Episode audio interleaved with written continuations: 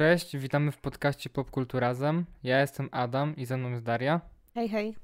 I chcieliśmy dzisiaj pogadać o dokumencie, który obejrzeliśmy na Netflixie Richard Ramirez, Polowanie na seryjnego mordercę, ale też ogólnie o całym tym zjawisku, czy całej tej community true crime. O całym tym fenomenie i wielkiej popularności.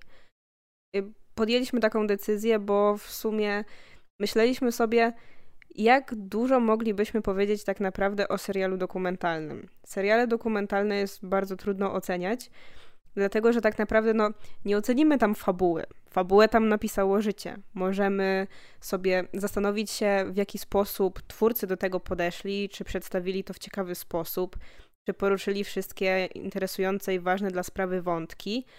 No ale tak naprawdę nie możemy oceniać samej historii w sobie, no nie? Dlatego stwierdziliśmy, że właśnie takie podejście szersze do całego zjawiska, całego fenomenu, do czegoś, co jest teraz naprawdę bardzo popularne, będzie ciekawsze.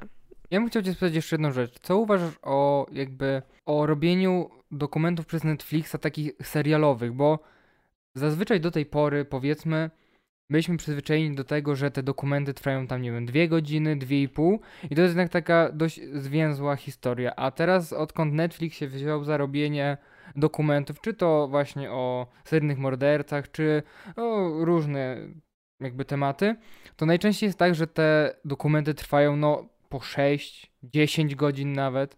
Jak uważasz, czy to takie jest w porządku? Moim zdaniem tak. Wydaje mi się, że no, głównie jednak jak oglądaliśmy dokumenty Netflixowe, to oglądaliśmy właśnie dokumenty w stylu True Crime i wydaje mi się, że akurat w tej konwencji to jest nawet lepsze podejście niż to wcześniejsze, dlatego że często to są naprawdę bardzo złożone historie, które mm, opowiadają o takich śledztwach, które trwały bardzo długo, opowiadają o ludziach, którzy mieli bardzo złożoną historię. Mamy historię mnóstwa ofiar tak naprawdę, więc wydaje mi się, że ściśnięcie tego do dwóch godzin to nie jest zbyt dobre podejście, bo tak naprawdę bardzo dużo rzeczy pozostanie nadal niedopowiedzianych.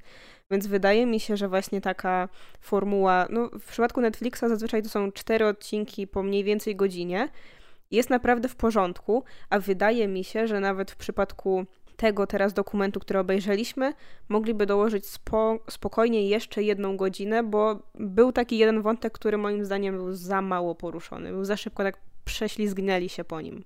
Nie, miałam trochę wrażenie przez to, że te dokumenty się tak e, rozwadniają trochę, że zamiast się właśnie skupić tylko na tym, e, na tym temacie, to poruszają wątki tutaj, a tej osoby, a tu jakiegoś tam policjanta, a tu jakiegoś detektywa, który gdzieś tam akurat przechodził obok, a tutaj powiedzmy, nie wiem, jakiś tam przechodnia, który przechodził i widział. I czasami mam wrażenie, że jednak chcą zrobić właśnie te 4 godziny i tego jest czasami trochę za dużo i za bardzo odchodzi się od tego jakby sedna i za bardzo się skupia na takich pobocznych rzeczach, które nie zawsze są takie bardzo ważne. Z jednej strony tak, Myślę, że wiem, do czego pijesz, bo myślę, że warto wspomnieć, bo różnie to bywa w przypadku dokumentów i dokumenty na przykład o seryjnych mordercach, obierają sobie różne perspektywy. I na przykład mieliśmy okazję obejrzeć kiedyś e, dokument o Tedzie Bandim, którym był on przedstawiony głównie z perspektywy jego partnerki życiowej. A w przypadku właśnie tego dokumentu o Ramirezie mamy do czynienia z perspektywą dwóch policjantów, detektywów, którzy prowadzili to całe śledztwo związane z morderstwami, do których dochodziło w Los Angeles w tym czasie, kiedy właśnie Ramirez działał. I dla mnie to było naprawdę ciekawe podejście. I może powiedziałabym, że to jest ciekawe tak ogólnie, niekoniecznie w tej sprawie, że ci detektywi byli jakimiś y, super ciekawymi postaciami. Moim zdaniem byli ciekawi, dlatego że oni mogliby stworzyć takie buddy cop, bo jeden z nich był taki bardziej wyluzowany, a drugi był takim trochę bucem. Tak, bo to było takie typowe, że był ten starszy policjant, który był właśnie takim poważnym i był ten młody, który dopiero do niego dołączył i jest tym takim bardziej żartownisiem, tym takim śmieszniejszym. Tak, y, to prawda, ale wydaje mi się, że właśnie ogólnie fajnie, że ktoś wpadł na pomysł y, przedstawienia perspektywy detektywów, policjantów, dlatego że ten dokument w bardzo ciekawy sposób pokazuje nam, jak bardzo to jest ciężka i męcząca dla tych ludzi praca. bo dowiadujemy się na przykład, że jeden z tych prowadzących detektywów praktycznie nie spędzał czasu ze swoją żoną, jak obawiał się o życie jej, jak obawiał się o życie swoich dzieci, jak oni momentami mieli już problemy z alkoholem, bo ta sprawa była dla nich naprawdę wyczerpująca i wydaje mi się, że właśnie zwłaszcza w czasach, kiedy to true crime jest tak ciekawe i wiele ludzi interesuje się tym i chciałoby, nie wiem, studiować kryminologię, pracować w podobnych warunkach, to wydaje mi się, że bardzo ważne jest, żeby też przedstawiać taką perspektywę i pokazywać, że to nie jest tylko ciekawa praca, ale to jest też po prostu wyniszczająca praca. Nie, no bo bardziej chodziło mi też o to, że właśnie, czy to nie jest takie właśnie odchodzenie trochę od tego tematu, no bo jednak chcesz obejrzeć ten dokument o Ramirezie, o jego zbrodniach, a dostajesz też o, nie wiem, o jego żonie. I to jest takie, czy każdego to interesuje, nie? Nie jego żonie, tylko żonie detektywa. E, tak, żonie tego detektywa, tak, sorry, pomyliłem się, tak, wiesz, czy to wszystkich interesuje, nie? Myślę, że nie wszystkich i wydaje mi się, że gdyby każdy dokument powstawał w taki sposób, to nie byłoby super. Ale wydaje mi się, że jeśli stworzą jeden taki dokument, który opowie ci taką historię dodatkowo, to to jest bardzo fajna perspektywa. Wydaje mi się, że nie w każdym dokumencie by to pasowało, nie w każdym dokumencie ci, mm, ci detektywi są aż tak charyzmatyczni, tak ciekawi, ale wydaje mi się, że właśnie stworzenie jednego takiego dokumentu to jest ciekawe podejście i mi to nie przeszkadzało, bo mnie na przykład ta historia tych detektywów też jakoś zaciekawiła, a przede wszystkim właśnie to ukazanie tego, jak ta ich praca wygląda od kuchni. Okej, okay, bo ty się bardziej chyba interesujesz tym, tym tematem true crime. Ten jakby to całe boom na te dokumenty on teraz jest, czy od jakiegoś czasu już w ogóle występuje? Wydaje mi się, że to jest kwestia ostatnich lat. No, bo zaczęło się chyba od tego Teda Bandiego. Nie wiem, wydaje mi się, że już wcześniej powstawały. Ja też nie oglądam ich jakoś bardzo dużo, bo ja z różnych źródeł sobie czerpię te rzeczy. Trochę oglądam dokumentów, trochę czytam książek. I wydaje mi się, że ten największy boom na true crime to są ostatnie lata, ale też Netflix wydaje mi się, że to nie jest tak, że Netflix go stworzył, tylko ten trend już istniał, na przykład w podcastach, na przykład na YouTubie, i Netflix po prostu też to podchwycił i trochę poszedł z prądem i zaczął tworzyć te swoje seriale dokumentalne, które w większości zresztą wychodzą mu dobrze, więc nie, nie twierdzę, żeby to było coś złego, no nie? Tak, bo to są takie dokumenty, które rzeczywiście zagłębiają się czasami aż za bardzo, bym powiedział, właśnie mówiąc o tym, że rozwadnia się to trochę i opowiada zamiast skupić się właśnie na tym, tylko na, oso- na osobach postronnych. I dobrze w sumie, że tak jest, bo to rzeczywiście pokazuje, tak jak mówiłaś, nie tylko te fajne strony bycia tym policjantem, czy tym detektywem, który y, robi tą, który jest zaangażowany w tą sprawę, ale właśnie też te gorsze strony. Tak, mhm. ale właśnie, tak jak mówiłam wcześniej, wydaje mi się, że w tym serialu albo coś było za bardzo pociągnięte, w sensie jakiś jeden wątek był albo za bardzo pociągnięty na tyle, że inny przez to troszeczkę zniknął, albo ten dokument był właśnie o jeden odcinek za krótki. Dlatego, że moim zdaniem bardzo, bardzo szybko prześlizgnięto się tak naprawdę po historii dzieciństwa Ramireza. I tam dosłownie mamy wspomniane w ciągu pięciu minut o tym, że no, generalnie to był chłopak, który dorastał w dysfunkcyjnej rodzinie, że był biedny, no, był latynosem głównie dorastającym na ulicy. I w sumie tyle się dowiadujemy. No wiesz, może też więcej nie mówił o sobie, nie, nie dowiedzieli się więcej o nim? Wydaje mi się, że się dowiedzieli, ale tak naprawdę tutaj właśnie bardzo mało dostajemy tego portretu psychologicznego samego sprawcy i mało dostajemy tych materiałów z przesłuchań, a wydaje mi się, że to byłoby ciekawe, bo materiały z przesłuchań pojawiają się tylko w formie tych niektórych jego wypowiedzi, które są takim tłem. Przebitkami, one są między tam jakimiś scenami, nie? Pojawiają się tak. takie fioletowe napisy, takie tam dygoczące, on tam jakby widać, że z tego magnetofonu to spuszczane i są tylko jakieś po prostu wstawki, to prawda. Tak i jakby no nie wiemy za dużo o tym, co on uważał, a myślę, że to jest naprawdę ciekawa kwestia, zwłaszcza, że na przykład dochodzi też ten aspekt satanizmu, który był u niego i ja też bym się musiała za zastanowić, zastanawiam się nadal po obejrzeniu tego dokumentu, bo ja do końca nie wiem, czy to jest tak, że z jego strony to było szczere, czy on faktycznie był satanistą,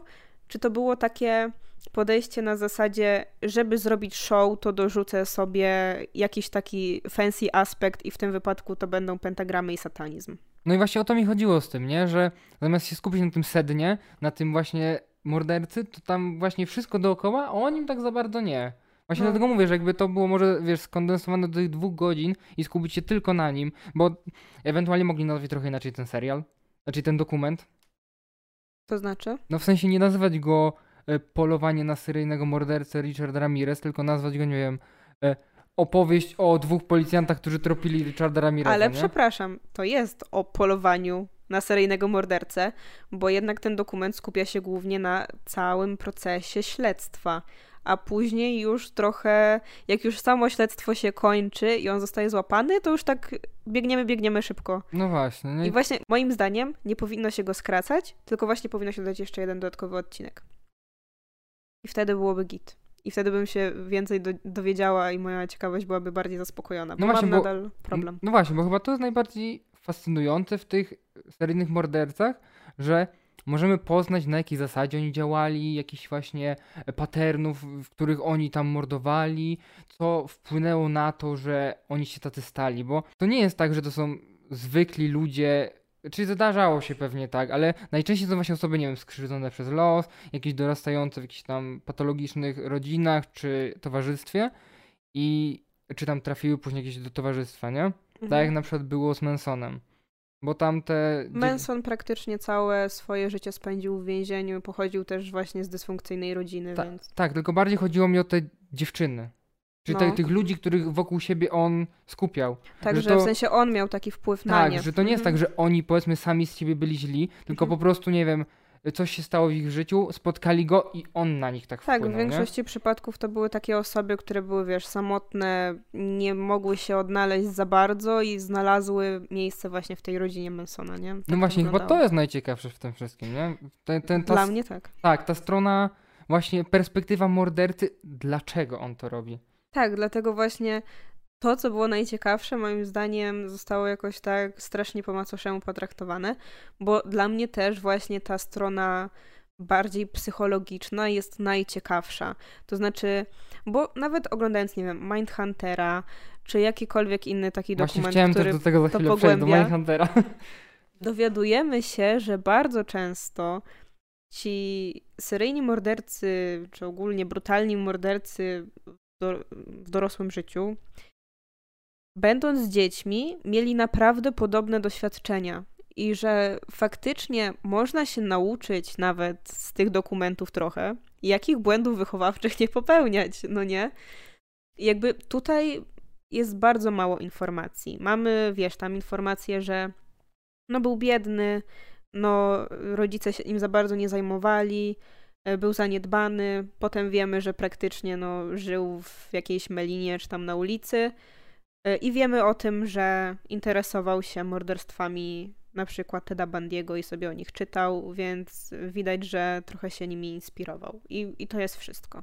No właśnie, bo to też jest w sumie ciekawe, że Ramirez inspirował się innym mordercą, nie? Bo to, to nie jest takie dość częste chyba, że, bo, czy, czy może ja tego nie słyszałem, ale też jest tak, że ci mordercy sami z siebie wychodzą z tym mordowaniem. Nikt jakby chyba publicznie się nie przyznaje, że no, moim y, y, idolem był ten i ten i dlatego ja też to robię.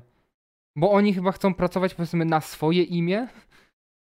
To znaczy, to jest tak, że to całe zjawisko copycat crime istnieje i często się o nim mówi, ale wydaje mi się, że rzadko się zdarza, żeby to się rozrosło aż na taką skalę. To znaczy, żeby osoba, która inspirowała się innym przestępcą, faktycznie robiła coś seryjnie. Zazwyczaj myślę, że jak czytaliśmy sobie nawet o tym kiedyś, że czytaliśmy, że na przykład wydarzyła się jedna zbrodnia i wiemy, że ten człowiek inspirował się jakimś tam seryjnym mordercą, czy nawet, nie wiem, jakąś postacią mordercy z filmu, coś takiego. Ale zazwyczaj to się kończy na jednym.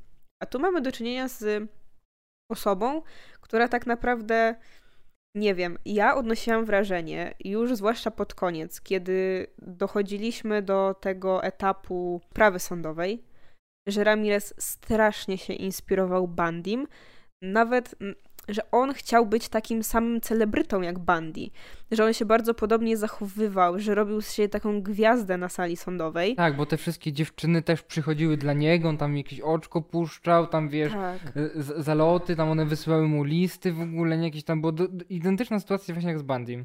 Tak, że w sensie on strasznie, strasznie gwiazdożył, powiedziałabym.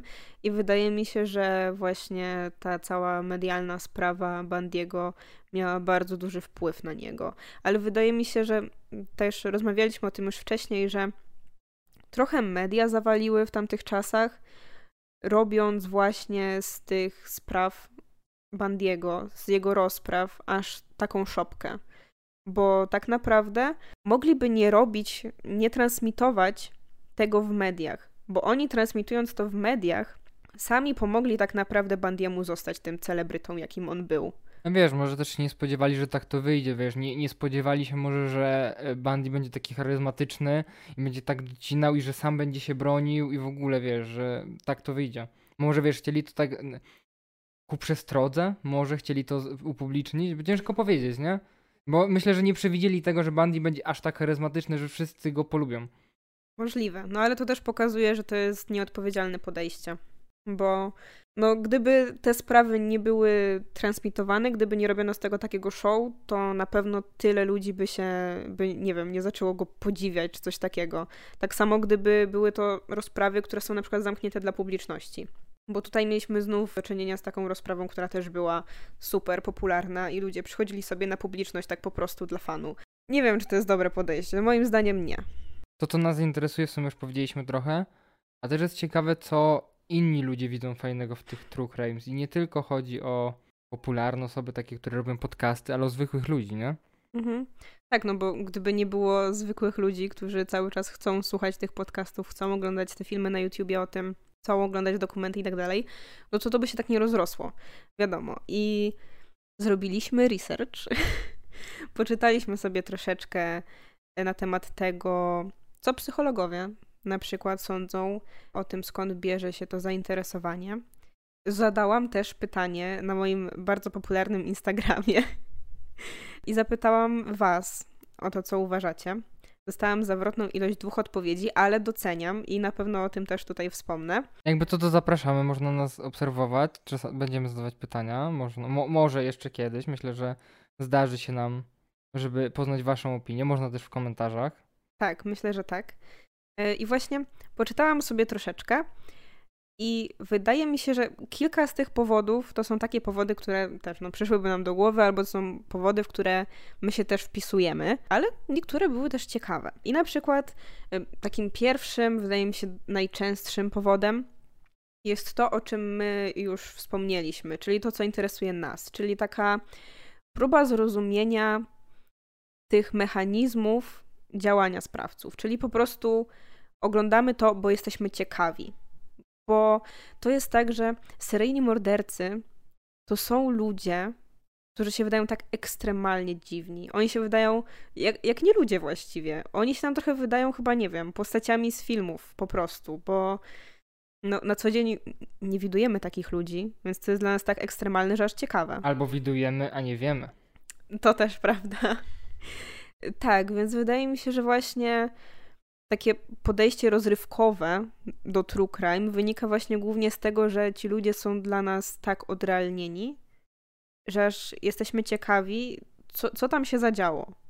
Czemu, czemu tak się wydarzyło? To też jest ciekawe, że jak przy okazji właśnie tego Ramireza, że on aż tyle mordował w tak krótkim czasie, i że oni go nie złapali, że nikt go nie widział, że, że na przykład potrafił w tym domu siedzieć po, nie wiem, parę godzin normalnie po morderstwie, tam sobie zjeść obiadek, obejrzeć telewizję i normalnie totalna chillera i jakby nikt totalnie nie widział tego, nie? No tak, albo porywał dzieci, molestował je i odstawiał do domu. No i nikt tego nie widzi, że jakiś obcy chłop zabiera sobie dzieci z ulicy, nie? To też jest bardzo ciekawe. Albo z domu. Albo z domu, no. To też bardzo ciekawie pokazuje, jaka wtedy w Stanach była kultura i jak ludzie podchodzili do swoich domów. W sensie, że dla nich y, w tamtych okolicach przynajmniej zamykanie domu na noc to było coś dziwnego, no nie? Teraz dla nas w Polsce nie do pomyślenia. Jakby to dla nas naturalne, że cały czas siedzimy praktycznie w zamkniętym domu, a tam nie. No i wydaje mi się, że mm, takim innym aspektem, który ludzi przyciąga, wydaje mi się, że jest po prostu to, że my jako ludzie mamy jakiś, jakąś irracjonalną potrzebę do tego, żeby się bać. Więc niektórzy ludzie po prostu traktują sobie to true crime jako takie horrory, bo ludzie właśnie lubią się bać, ale lubią to robić zazwyczaj w takich kontrolowanych warunkach i ten horror, który sobie puszczą w domu, czy właśnie taki serial o strasznych morderstwach, im zapewnia właśnie te kontrolowane warunki, bo oni są w swoim bezpiecznym domu, ale oglądają o rzeczach strasznych. Tylko moim zdaniem to jest takie trochę paradoksalne, bo jeszcze w przypadku horrorów rozumiem, nie wiem, oglądam sobie horror o duchach, no to wiem, że te duchy nie przyjdą, bo nie istnieją, więc mi nic nie zrobią. A tutaj jednak oglądamy historię o człowieku, który faktycznie żył lub żyje i historię o rzeczach, które faktycznie się działy lub dzieją. No tak, tylko w, tego, w tym, akurat w tym przypadku to jest dokument, ale byliśmy w kinie na filmie o Tedzie Bandim, zły, okrutny z tym, z Zakiem Efronem, nie? Nie, nie No. pamiętam jak on się nazywał tam. Zły, podły, okrutny, nieprzewidywalny, nieważne. No i ogólnie, wiesz, można pójść na ten film i nie wiedzieć o tym, że to była prawdziwa osoba. I ten film sam w sobie działał bardzo dobrze. Tak, ale ten film nie był horrorem. No nie, ale był powiedzmy takim thrillerem. Tak, tylko wiesz, tu jest też taka trochę różnica, że ten film nie pokazuje ci zbrodni, moim zdaniem dobrze, że on właśnie nie, nie, nie monetyzuje tego okrucieństwa, które on zrobił, szanuje ofiary, też bym powiedziała, bo on właśnie nie pokazuje ci wprost, nie robi scen gore z tego, jak on tam odwalał i co on robił tym swoim ofiarom, bo wtedy moim zdaniem to byłoby już zdecydowane przegięcie. Ale ten film po prostu opowiada historię osoby, która jest zła, a nikt się tego nie spodziewa. Tak, bo to też jest opowiedziane z jego perspektywy tej powiedzmy dobrej strony, nie? No tak. Że poznajemy go jako tego dobrego chłopaka i nie pokazuje nam się tych morderstw i nawet nie sugeruje nam się, że on to zrobił. Jakby film cały czas nam sugeruje, że on jest niewinny. Mam no, takie wrażenie. trochę tak. No, Ale dlatego, że ten film jednak pokazuje nam, jak jego partnerka go widziała. I ona. Skąd ona miała to wiedzieć? Dla niej on był mężczyzną, który był dobry dla jej córki, był dobry dla niej, był wykształconym chłopakiem, który miał jakieś duże ambicje, jeśli chodzi o naukę, o pracę. Więc tak naprawdę nic dziwnego, ale tak, no to, to jest ciekawa perspektywa. Y, I jeśli chodzi właśnie o to podejście horrorowe, że lubimy się bać, dochodzi do tego kwestia tego, że po prostu ludzie często lubią oglądać rzeczy, konsumować taką sztukę, która wywołuje w nich jakieś emocje. I znalazłam sobie nawet taki cytat jednej z pani y, psycholog.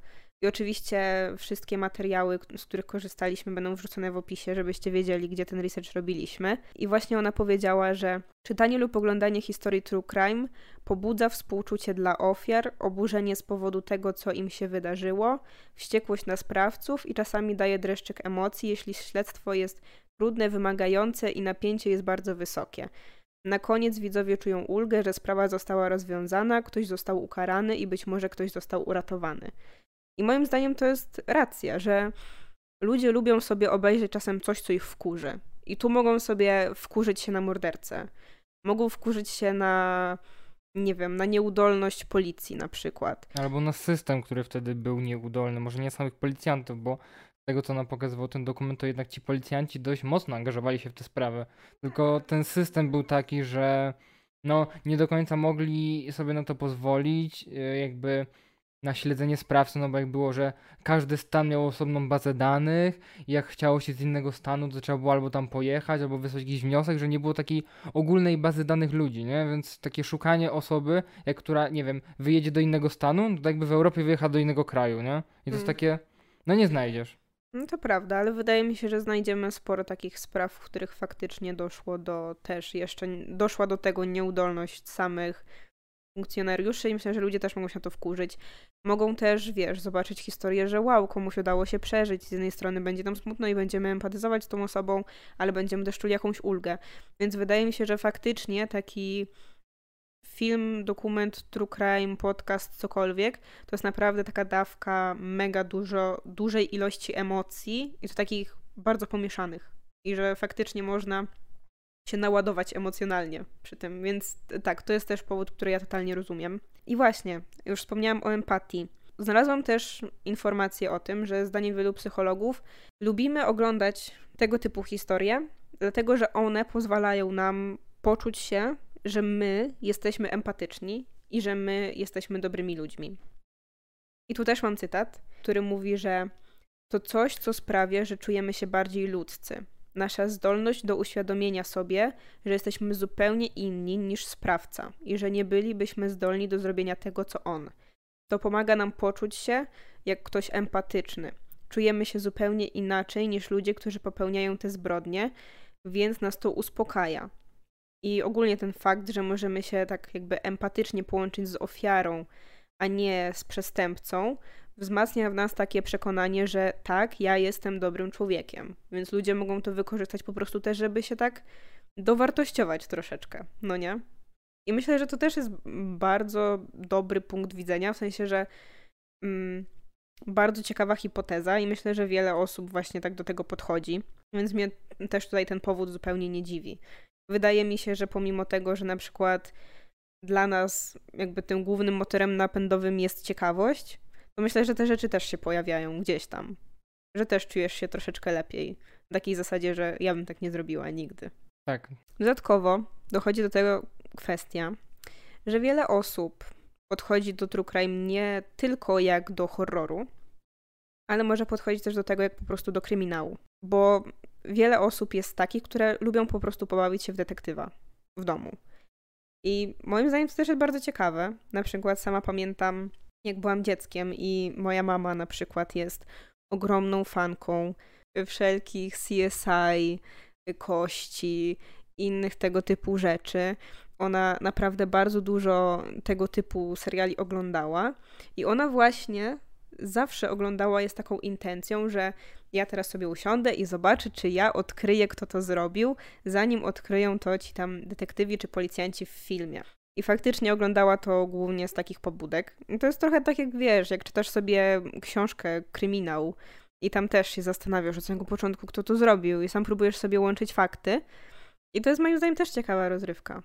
Więc dlatego może niektórzy ludzie patrzą na true crime rozrywkowo.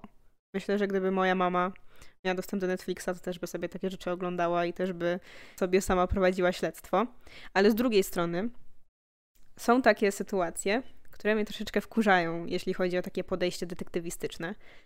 Dlatego, że przy okazji właśnie mm, tego serialu, który teraz oglądaliśmy, weszłam sobie na Filmweb, żeby oznaczyć, że sobie ten serial obejrzałam i zjechałam oczywiście na wspaniałe forum Filmwebu i znalazłam tam kilka właśnie takich wypowiedzi, które były typowo pisane przez takich właśnie kanapowych detektywów, którzy nigdy w życiu nie mieli do czynienia z tą pracą, ale są właśnie mądrzejsi od tych detektywów, których pokazano w serialu.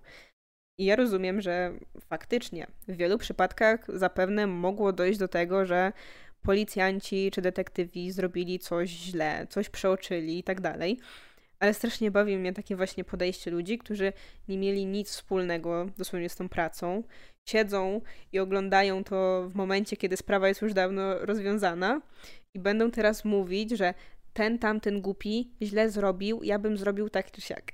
I to mnie tak trochę wkurza. Wiadomo, że najlepiej jest oceniać już, wiesz, z kanapy, bo e, dokument ci podaje to wszystko tak e, jasno, że no, tutaj było ci z buta, tu było ci z buta ten sam but, a jednak oni musieli do tego dojść, że to jest ten but, że musieli gdzieś go tam znaleźć, albo że ta łuska i widzisz, no, na zdjęciu są te łuski, głupki, nie wiedzieli, że to są te same, jak oni mogli to Zwłaszcza, że jednak ci y, kanapowcy oglądając to teraz podchodzą do tego z wiedzą, którą mamy teraz, z wiedzą o technologii, którą mamy teraz, a której nie było wtedy. No nie, na przykład. Więc oni sobie myślą, na przykład w przypadku Bandiego mogliby też napisać, no co za głupki, no przecież był w stanie obok, mogli się dowiedzieć, zadzwonić do tamtych, no nie? I to jest takie, ale no teraz mógłbyś tak zrobić, teraz masz y, szybkie bazy danych, że weźmiesz kogoś odcisk palca i możesz sobie sprawdzić, czy co, coś kiedykolwiek zrobił, no nie?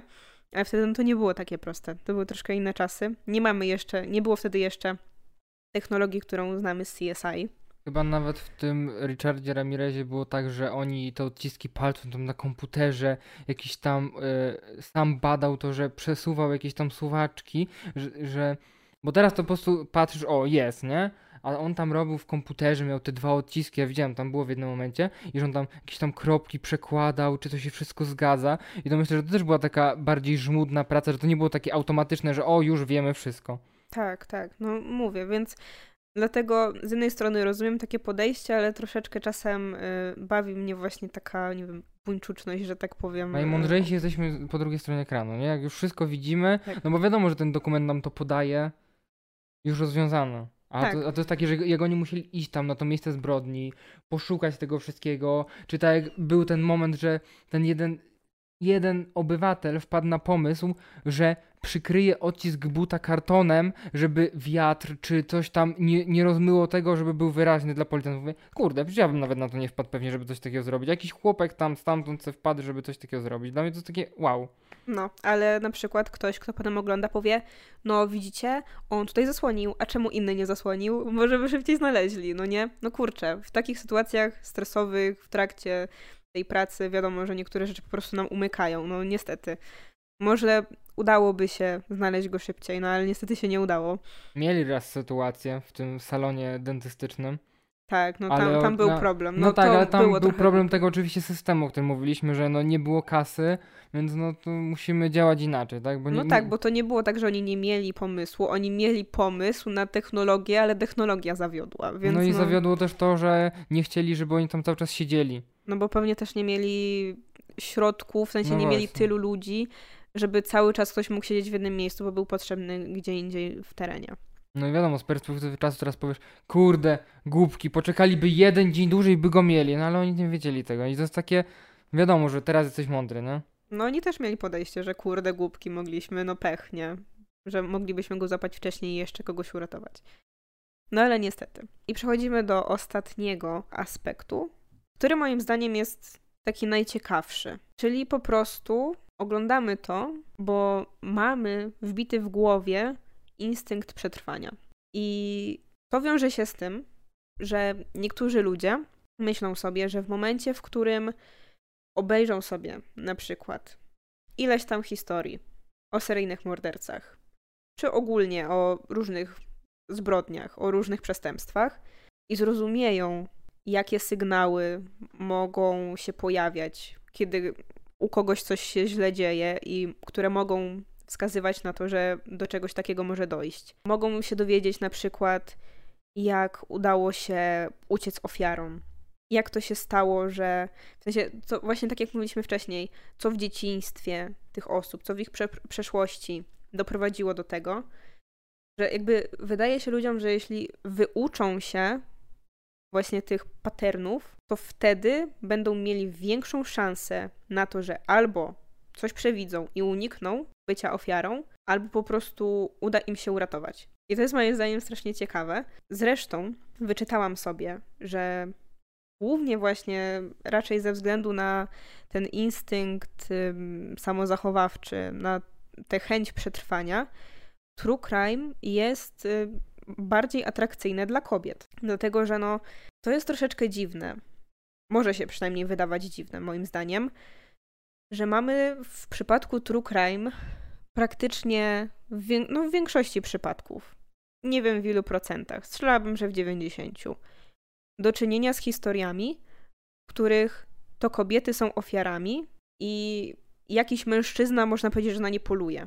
I nie wiemy do końca dlaczego, i to wydaje się dziwne, żeby kobiety aż tak chętnie chciały oglądać coś o osobie, która powiedzmy, że nienawidziła kobiet tak bardzo i robiła im tak ogromną krzywdę. I dowiadują się tylu szczegółów dotyczących gwałtów i morderstw, no nie? To się wydaje dziwne, że chciałbyś coś takiego oglądać. Ale właśnie spotkałam się z jednym badaniem psychologicznym, które właśnie sprawdzało to. Po pierwsze, właśnie badało, czy faktycznie jest tak, że kobiety są bardziej zainteresowane true crime niż mężczyźni.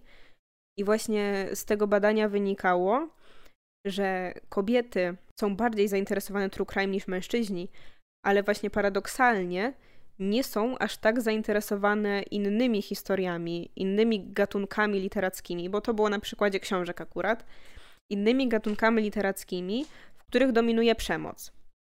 To były gatunki, które właśnie bardziej interesowały mężczyzn I później kolejne badania różnych hipotez właściwie wskazały na to, że przez to, że kobiety częściej stają się ofiarami takich ekstremalnych przestępstw, o których się pisze, o których się tworzy filmy i tak to mogą one wykorzystywać te historie, żeby poznać motywy działania tych agresywnych osób niebezpiecznych i zauważyć jakieś niepokojące sygnały, które mogą zobaczyć w prawdziwym życiu, albo żeby poznać właśnie jakieś wskazówki, które mogą im pomóc uniknąć takich sytuacji, albo jeśli do nich już dojdzie, to przeżyć.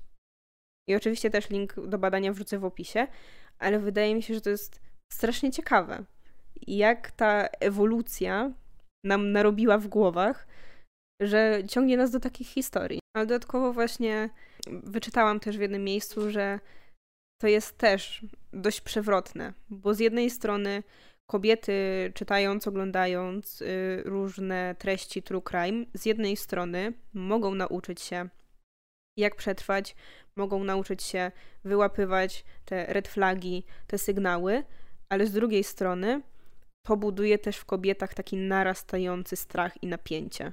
Takie przeświadczenie, że faktycznie tacy ludzie są i że często ich ofiarami są kobiety. Więc kobiety jednocześnie zaczynają się bardziej bać, ale też poznają różne metody, które mogą je uchronić przed tym, czego się boją. Znaczy, czy bardziej bać? Nie wiem, czy powiedziałbym, że zaczynają się bardziej bać, ale może są też bardziej świadome tych zagrożeń, że nie będą powiedzmy takie naiwne. No bo wiadomo, że jak zobaczysz gościa, nie wiem, nasłuchasz się, że no tutaj e, w tej okolicy jest gościu, należy uważać, nie wiem, bo on atakuje po 22, no to będziesz miał w głowie zakodowane ok, nie wychodzę z domu po 22. Z jednej strony tak, ale z drugiej strony myślę, że właśnie no, zauważamy pewne rzeczy, na przykład oglądamy dokument o Tedzie Bundy. Wiemy, że Ted Bundy sam w sobie nie wyglądał jako człowiek, który jest podejrzany. On zachowywał się zazwyczaj w miarę normalnie. Wiadomo, coś tam kogoś zaczepił, ale wymyślał takie wymyślał takie powody, że nikt raczej by się nie domyślił, że to jest coś strasznie dziwnego. Bo nie wiem, bo ktoś twierdzi, że potrzebuje pomocy.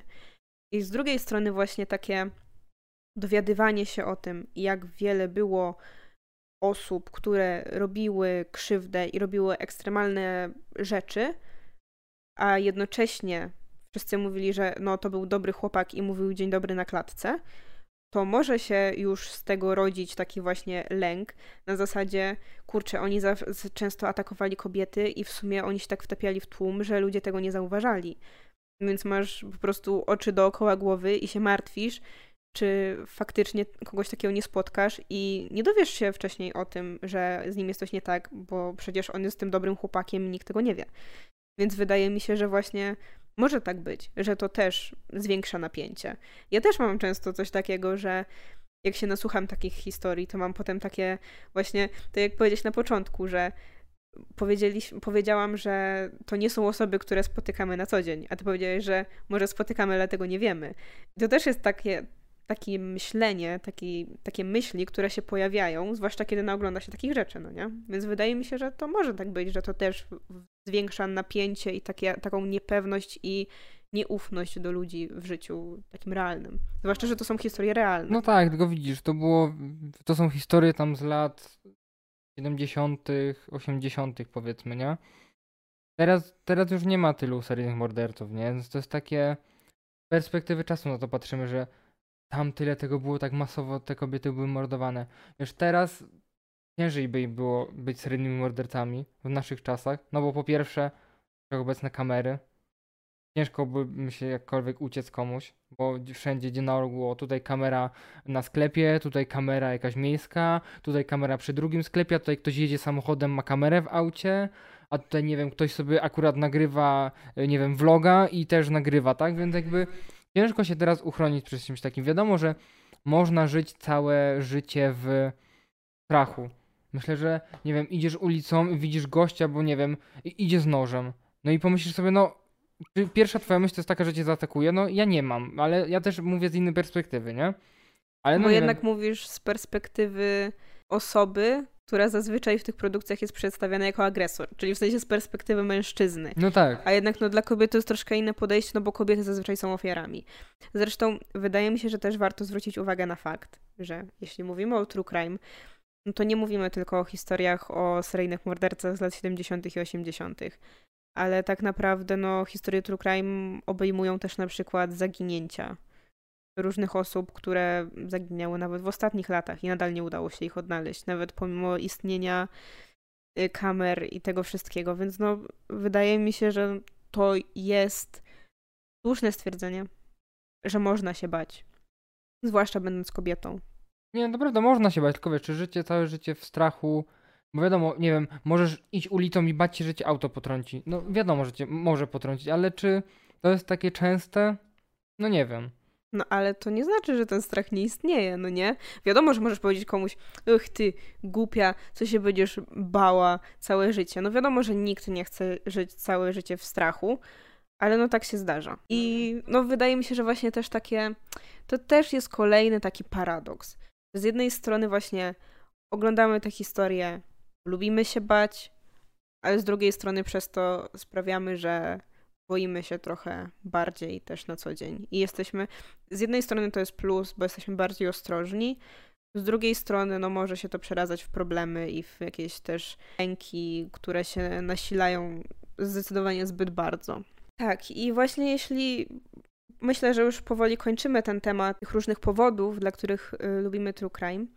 I tutaj właśnie chciałabym przytoczyć komentarz, y, który dostałam, który dostałam od jednej z dziewczyn, które prowadzą konto Nieznośna Poczytalność. I wydaje mi się, że on jest bardzo ciekawym, ciekawym spojrzeniem, ciekawą uwagą na w sumie ten dział, ten odłam true crime, z którym my nie mamy za bardzo do czynienia. Czyli na ten true crime YouTube'owy. Tutaj jedna z dziewczyn napisała na, na pytanie, dlaczego sięgasz po historię true crime, odpowiedziała, że w sumie to nie wie, Myśli, że traktuje to na zasadzie guilty pleasure, bo ma świadomość, jak nieetyczne często jest wykorzystywanie tak tragicznych historii do zdobycia popularności na YouTubie. Nie przekonuje mnie, gdy YouTuber mówi, że interesuje go psychologiczna strona całej sprawy, a potem w trakcie opowiadania rzuca żarciki na temat mordercy albo opisuje, co ofiara zrobiła źle. Polscy YouTuberzy kryminalni są dla mnie w większości niestrawni właśnie przez to. I to jest dla mnie też ciekawa perspektywa. Oczywiście nie będę się tutaj wypowiadała na temat konkretnych YouTuberów, i, bo ich nie znam, ale właśnie zestawiając to sobie z dokumentem, o którym teraz rozmawiamy, wydaje mi się, że to jest, to jest ciekawy temat. Właśnie etyka, bo wiadomo, że w sytuacji, w której profesjonalni twórcy zabierają się za zrobienie dokumentu, to zazwyczaj mają do dyspozycji jakieś osoby bezpośrednio związane ze sprawą. Czy to śledczych, policjantów, detektywów, czy o, rodziny ofiar, czy osoby, które przetrwały. I wydaje mi się, że wtedy takie podejście jest ok, chociaż oczywiście takie coś też można schrzanić, bo można podejść do tego jakoś, nie wiem, zbyt sensacyjnie, zbyt zbyt rozrywkowo, niekoniecznie z szacunkiem do ofiar, do ich rodzin itd. Tak Ale wydaje mi się, że jest większe prawdopodobieństwo, że to będzie coś podane w dobrej formie i z szacunkiem.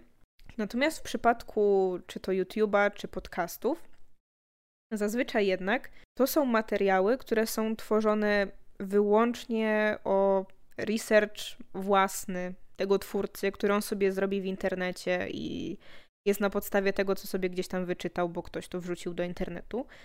I też zastanawiam się, czy właśnie opieranie całej swojej działalności na opowiadaniu historii, które gdzieś się przeczytało i też nie wiadomo, czy one są właśnie do końca dobrze zresearchowane i dobrze podane, to jest dobre podejście i czy to jest etyczne, no nie? Myślę, że takie osoby nie zastanawiają się nad tym. Myślę, myślą, że to łatwa kasa, to sobie pogadamy i wiesz, znaczy nie wiem, wydaje mi się, że pewnie istnieją twórcy, którzy mają takie podejście, że chcą opowiadać o tych historiach, ale z zachowaniem szacunku y, do całej historii, do osób, które zostały przez nią dotknięte. Więc nie twierdzę, że to jest jakby, wiesz, zgniły biznes w całości. Jakby nie wiem, nie znam konkretnych twórców, ale właśnie w przypadku, właśnie jednak to, że to jest aż tak popularne, może prowadzić do takich patologii, o których tutaj czytamy w tym komentarzu. Że ktoś może właśnie do tej historii podchodzić jakoś właśnie dziwnie, jakoś aż tak rozrywkowo, że będzie sobie żartował, czy będzie różne rzeczy takie gadał. Tak, jak czytaliśmy razem na Twitterze, jak Opydo wrzucał a propos jakiegoś tam podcastu. Tak. I wrzucał jakieś tam cytaty tych dziewczyn, które jakieś tam, wiesz, heheszki, śmieszki, że coś tam wypowiadały się. To było takie aż niesmaczne. W sensie, że mo może nie powiem, że y, ofiary mogły tego słuchać, no bo powiedzmy, że mówią o zagranicznych sprawach, załóżmy, ale jednak mogą słuchać tego osoby, które są bardziej wrażliwe, albo nie wiem, przeszły coś podobnego, przeszły jakiś, wiesz, y, strach, czy gdzieś tam właśnie są też takie przewrażliwe na tym punkcie i to może być dla nich takie, kurde, ja się boję, a one się ze mnie nabijają.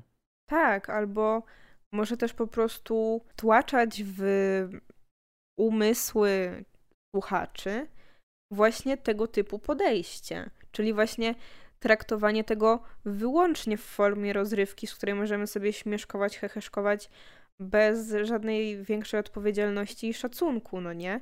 A wydaje mi się, że to jest troszeczkę problem w naszych czasach, że często kiedy słyszymy o takich historiach, na przykład kiedy one dotyczą jakichś osób sławnych, medialnych, to my totalnie zapominamy o tym, że tam są ludzie, którzy są skrzywdzeni i nie wiem, strasznie mamy problem z wrażliwością ostatnimi czasy. Więc wydaje mi się, że to właśnie jest złe podejście i że powinno się takie, takiego czegoś unikać i niestety przez to, że to jest tak prominentny dział kultury i że on jest tak popularny, to wydaje mi się, że trudno jest uniknąć tego, żeby takie tacy twórcy się pojawiali i żeby takie treści powstawały. I to jest moim zdaniem też niebezpieczne. A, i jeszcze drugi komentarz dostałam. Nasz drugi komentarz jest od Filipa. Filip jest y, moim wiernym czytelnikiem y, od czasów fanpage'a.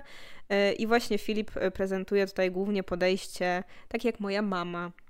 Czyli y, Filip też zawsze interesował się właśnie y, sprawami kryminalnymi, marzył kiedyś, żeby być detektywem, więc widzisz, mamy kolejny przykład, że to jest y, dość częste podejście.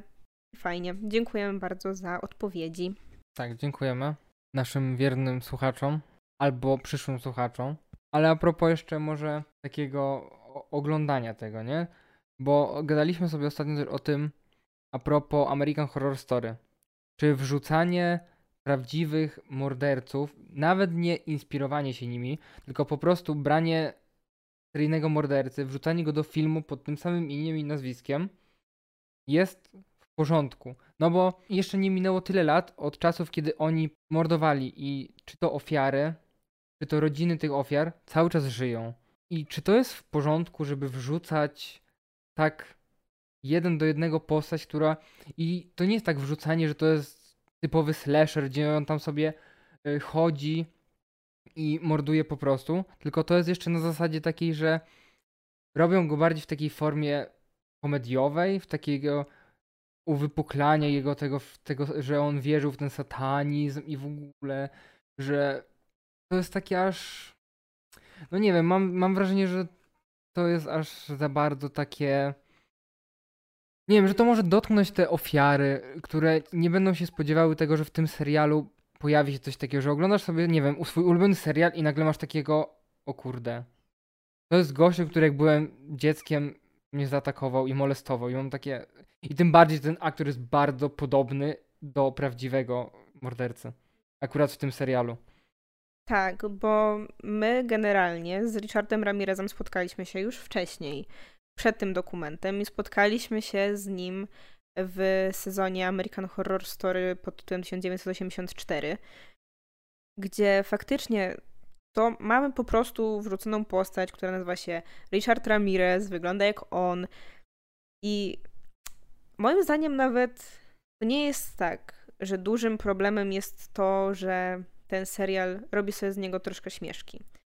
Bo można uznać, że serial chciał prześmiać go, w sensie pokazać go jako kogoś, to generalnie nie jest wart szacunku, bo wymyśla sobie jakieś głupoty i gada bzdety o jakimś szatanie i generalnie jest taki strasznie komiczny w tym. Moim zdaniem większym problemem jest to, że momentami ja odnosiłam wrażenie, jakby bohaterowie serialu pozostali traktowali go jako takiego celebryta. Bo to było, wiesz, wszyscy słyszeli, że wow, jest ten Night Stalker i teraz patrzymy i to jest on faktycznie. Wow, ale fajnie. I to mi się wydawało takie dziwne, bo to jest kolejny krok właściwie, kolejny przypadek, kiedy robimy z osoby, która narobiła tak wiele krzywd, celebrytę. I to jest moim zdaniem większy problem.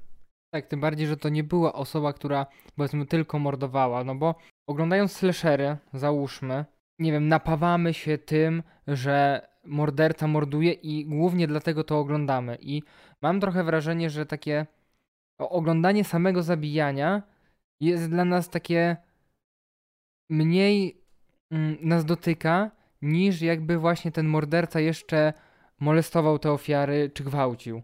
A w tym przypadku było tak, że to jest jedna osoba, która dopuszczała się takich rzeczy. Że to nie jest osoba, która powiedzmy tylko mordowała i sobie szła dalej. Tylko on robił więcej. Tak, bo no zwłaszcza w slasherach bardzo często jest tak, na przykład, nie wiem, oglądamy sobie Halloween i mamy do czynienia z tym Michaelem Myersem, który tak naprawdę sobie chodzi, on kogoś dźgnie, idzie dalej. On nie napawa się tym, co zrobił, on nie widać po nim, no, nie widzimy jego twarzy, ale on nie wydaje żadnych dźwięków, nie, po, nie robi żadnych grymasów, nie widzimy jego twarzy. My nie czujemy, że on czerpie przyjemność z tego, co robi. Nie wiemy, co on czuje. On jest. On nawet nie jest człowiekiem tak naprawdę dla nas. On jest jakąś taką maszynką, której my się boimy i przed którą ci, te postacie uciekają, ale on nie jest dla nas człowiekiem, więc nie odczuwamy tego jako coś szokującego ale tutaj dostajemy człowieka z krwi i kości, który wiemy, że on czerpał przyjemność z tego, co robił. On czerpał przyjemność z, nie wiem, masakrowania ciał ludzi, z wykorzystywania seksualnego, z molestowania dzieci. I wrzucanie jego postaci do serialu, który jest tak na wskroś rozrywkowy, jest moim zdaniem no nieetyczne bo równie dobrze można byłoby stworzyć inną postać, która mogłaby, nie wiem, wyglądać inaczej, nazywać się inaczej, ale mogłaby mieć pewne jakieś tam drobne cechy, które sprawiłyby, że jacyś ludzie zajarani true crime by się pewnie dowiedzieli, że tu chodzi o coś takiego. Ale czemu wrzucamy postać tak po prostu? Bo jednak z tego co wiem, nie, nie widziałam wszystkich sezonów American Horror Story, ale we wcześniejszych sezonach były sytuacje właśnie takie, o których wcześniej wspomniałam, czyli że mamy postać, która jest inspirowana w pewien sposób prawdziwą osobą, ale nie wrzucamy jej po prostu jako tą prawdziwą osobę. Tak jak na przykład, nie wiem, teksańska masakra piłą mechaniczną. Tam Leatherface też jest postacią, która jest w pewien sposób inspirowana prawdziwą osobą i to jest w pewien sposób inspirowane prawdziwymi zbrodniami, ale no nie każdy o tym wie. Więc można powiedzieć, że nie gloryfikujemy tego sprawcę i nie zrobimy z niego postaci takiego kolejnego celebryty właśnie, no nie? No, tym bardziej, że nie, nie wiem, czy... On chyba nie jest przedstawiony z imienia i nazwiska nigdy, więc też nie wiesz, czy to jest rzeczywiście ta sama postać, nie? Ale kto? No, Leatherface. A, tak, tak. Tak, o to mi chodzi, że nawet jeżeli to jest inspiracja, no to robi sobie twarze ze skóry ludzi. Taki jest dość, powiedzmy, okej. Okay. Tyle, jakby. Dlatego się nazywa Leatherface, bo ma twarz ze skóry innych ludzi. Hmm. I też jest zarysowany bardzo absurdalnie. Tylko, że wiesz, slashery mają też ten plus, czy nie wiem, cokolwiek jak to nazwać, że one są często paranormalne, więc na pewnym etapie przestajesz wierzyć, że to się mogło wydarzyć i jakby masz cały czas z tyłu głowy, że no okej, okay, to jest rzeczywiście postać, która jest wymyślona i nie próbują ci wmówić, że taka osoba mogła żyć naprawdę. Znaczy, no wiesz, American Horror Story 1984 też w pewnym momencie staje się paranormalne, dlatego mówię, dla mnie największym problemem jest właśnie to, że nikomu nie chciało się przetworzyć tego bohatera. Tylko po prostu wzięto prawdziwą osobę z prawdziwego świata, wrzucono ją tam i zrobiono z niej pożywkę dla rozrywki. Tak, myślę, że nawet jakby zmienili mu imię i nazwisko, samo to by mogło wystarczyć. Tak. Bo no, mógłbym, nie wiem, mógłby, mógłby to być ten sam aktor, mógłby właśnie też gadać o tym satanizmie cały czas i okej. Okay. I jakby dać mu inne imię i nazwisko, to może nie byłoby to aż takie oczywiste dla wszystkich. Dla osób, które się rzeczywiście interesują tym tematem, to mogło być coś, o, fajnie, że, powiedzmy, nie wiem, nawiązali do tego mordercy. A dla casualowego, casualowego widza to jest takie, o, Richard Ramirez wygoogluje sobie, o, to jest prawdziwy morderca. Hmm. A tak, tak by wpisali imię i nazwisko tamtej osoby, czy by coś znaleźli? Pewnie nie. Hmm. Zresztą mieliśmy już ostatnio, kilka lat temu, wydaje mi się, taką kontrowersję związaną właśnie z wykorzystaniem prawdziwej historii i prawdziwej tragedii w filmie rozrywkowym w momencie, kiedy rodziny ofiar ciągle żyją. I mamy tu do czynienia ze Slendermanem. Bo Slenderman, y, ten horror, ten film, który wyszedł chyba rok czy dwa lata temu, on bazuje na prawdziwej historii dwóch dziewczynek, których rodzice przecież żyją i którzy to rodzice no bardzo się zdenerwowali i doprowadzili ostatecznie do tego, że film został przemontowany i został bardzo mocno zmieniony, no bo uznali, że to jednak jest brak szacunku dla tej historii, że robisz sobie z niej coś rozrywkowego, żeby postraszyć ludzi w kinie. No tak, tylko że akurat Slenderman jest dość popularny w popkulturze już. No tak, ale, ale wiesz, mogłeś zrobić historię o Slendermanie, która Aha. jest inspirowana grą. Ale tutaj wziąłeś historię prawdziwych dziewczynek, które usłyszały o Slendermanie z creepypasty i zrobiły coś w prawdziwym życiu. I oni wzięli tę historię z prawdziwego życia, która nie wydarzyła się wcale tak dawno, kiedy właśnie żyją rodzice tych dziewczynek i oni cały czas pewnie żyją jeszcze tą sprawą, i... No tak, bo to jest dość świeża sprawa też. Nie, nie tak, tak. jak ci wszyscy seryjni mordercy, którzy tam byli, nie wiem, 30-40 lat temu, tylko rzeczywiście to jest sprawa przed, nie wiem, 7 lat. No tak. mi się tak wydaje. Bo no wtedy, tak, ale no wiesz, boom. w przypadku Richarda Ramireza oglądaliśmy dokument, wiemy, że jego ofiary nadal żyją. Ofiary. Yy, na przykład yy, dzieci, które on molestował, że żyją rodziny, czy tam rodzice ofiar, czy wnuki ofiar, bo on akurat mordował osoby w bardzo dużym przedziale wiekowym. Więc naprawdę, no dla mnie to nie jest, nie jest podejście, które jest etyczne i nie wyobrażam sobie, gdybym ja była twórcą i zrobiła coś takiego z czystym sumieniem. No myślę, że wtedy to jest takie, tak jak mówiliśmy, dla kasy, że możesz sobie zareklamować serial. Patrzcie, w naszym filmie czy serialu jest ten morderca. Obejrzyjcie, zobaczcie, jak myśmy go przedstawili. No ale dla mnie to jednak budzi dużo niesmak. Nie no, u mnie też, no. Wiadomo, tego Slendermana też można było zrobić na zasadzie po prostu zwykłego slashera. Mhm. Ewentualnie w drugą stronę. Ale chociaż to już mogłoby wtedy przypominać bardziej tą prawdziwą historię. Żeby właśnie potraktować to jako też creepypastę w filmie, i żeby ten Slenderman, tak jak w prawdziwości, był wymyślony. Tylko czy wtedy właśnie tak jak mówisz, nie byłoby to za bardzo takie, jak to było naprawdę. No. Bo jednak uważam, że ta historia sama w sobie jest dość ciekawa. Jakby pokazująca wpływ tego, jak internetowa postać wymyślona miała wpływ na prawdziwych ludzi.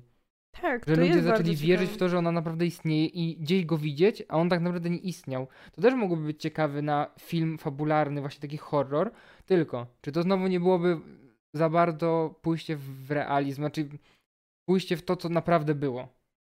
Wydaje mi się, że oczywiście można to było tak ograć, ale można było po pierwsze zmienić kompletnie tożsamość tych osób, które jakby zaczęły w to wierzyć Czyli zrobić z tego, nie wiem, kogoś dorosłego albo coś, albo po prostu troszeczkę pozmieniać tę historię, a nie opowiadać ją tak naprawdę jeden do jednego, tak jak właściwie wydarzyło się to w prawdziwym życiu. Myślę, że naprawdę można byłoby zrobić to tak, żeby nie okazywać braku szacunku rodzinom ofiar, i samym osobom zainteresowanym tą sprawą, w sensie bezpośrednio dotkniętym. I to naprawdę nie jest problem. Tylko trzeba by było troszeczkę się pobawić i troszeczkę swojej inwencji twórczej wykorzystać. Trzeba mieć rozum i godność człowieka, żeby e, mieć szacunek dla takich osób. Żeby nie żerować na ludzkiej tragedii, tylko rzeczywiście w kreatywny sposób to ograć, żeby wykorzystać tą postać, ale właśnie, żeby nie mówić wprost, że to jest historia na podstawie, wiesz, tego. Na, Tak. na, na podstawie tych ofiar może. I wydaje mi się, że to jest takie dobre podsumowanie całej naszej dyskusji, że w podejściu do True Crime, zarówno ze strony twórców, czy to twórców dokumentów, czy to twórców książek, czy to twórców podcastów, czy to twórców YouTube'owych, czy to odbiorców, wymagamy po prostu rozumu i godności człowieka. Tak, no dziękuję wam za słuchanie. Mnie możecie znaleźć w sumie wszędzie pod nickiem Adaś Alex. Mnie możecie znaleźć na książkowym Instagramie Daria Podłoga OWS oraz na fanpage'u na Facebooku Ocieplanie wizerunku Skandynawii o skandynawskim kinie. No, dajcie znać w komentarzach, co wy sądzicie o True Crime, jak, jak podchodzicie w ogóle do całego tego tematu, jak może, czy oglądacie takie dokumenty o seryjnych mordercach. Albo czy może widzieliście ten dokument, o którym rozmawialiśmy w tym filmie? Dziękuję wam za uwagę. Do usłyszenia. Pa, pa. Pa, pa.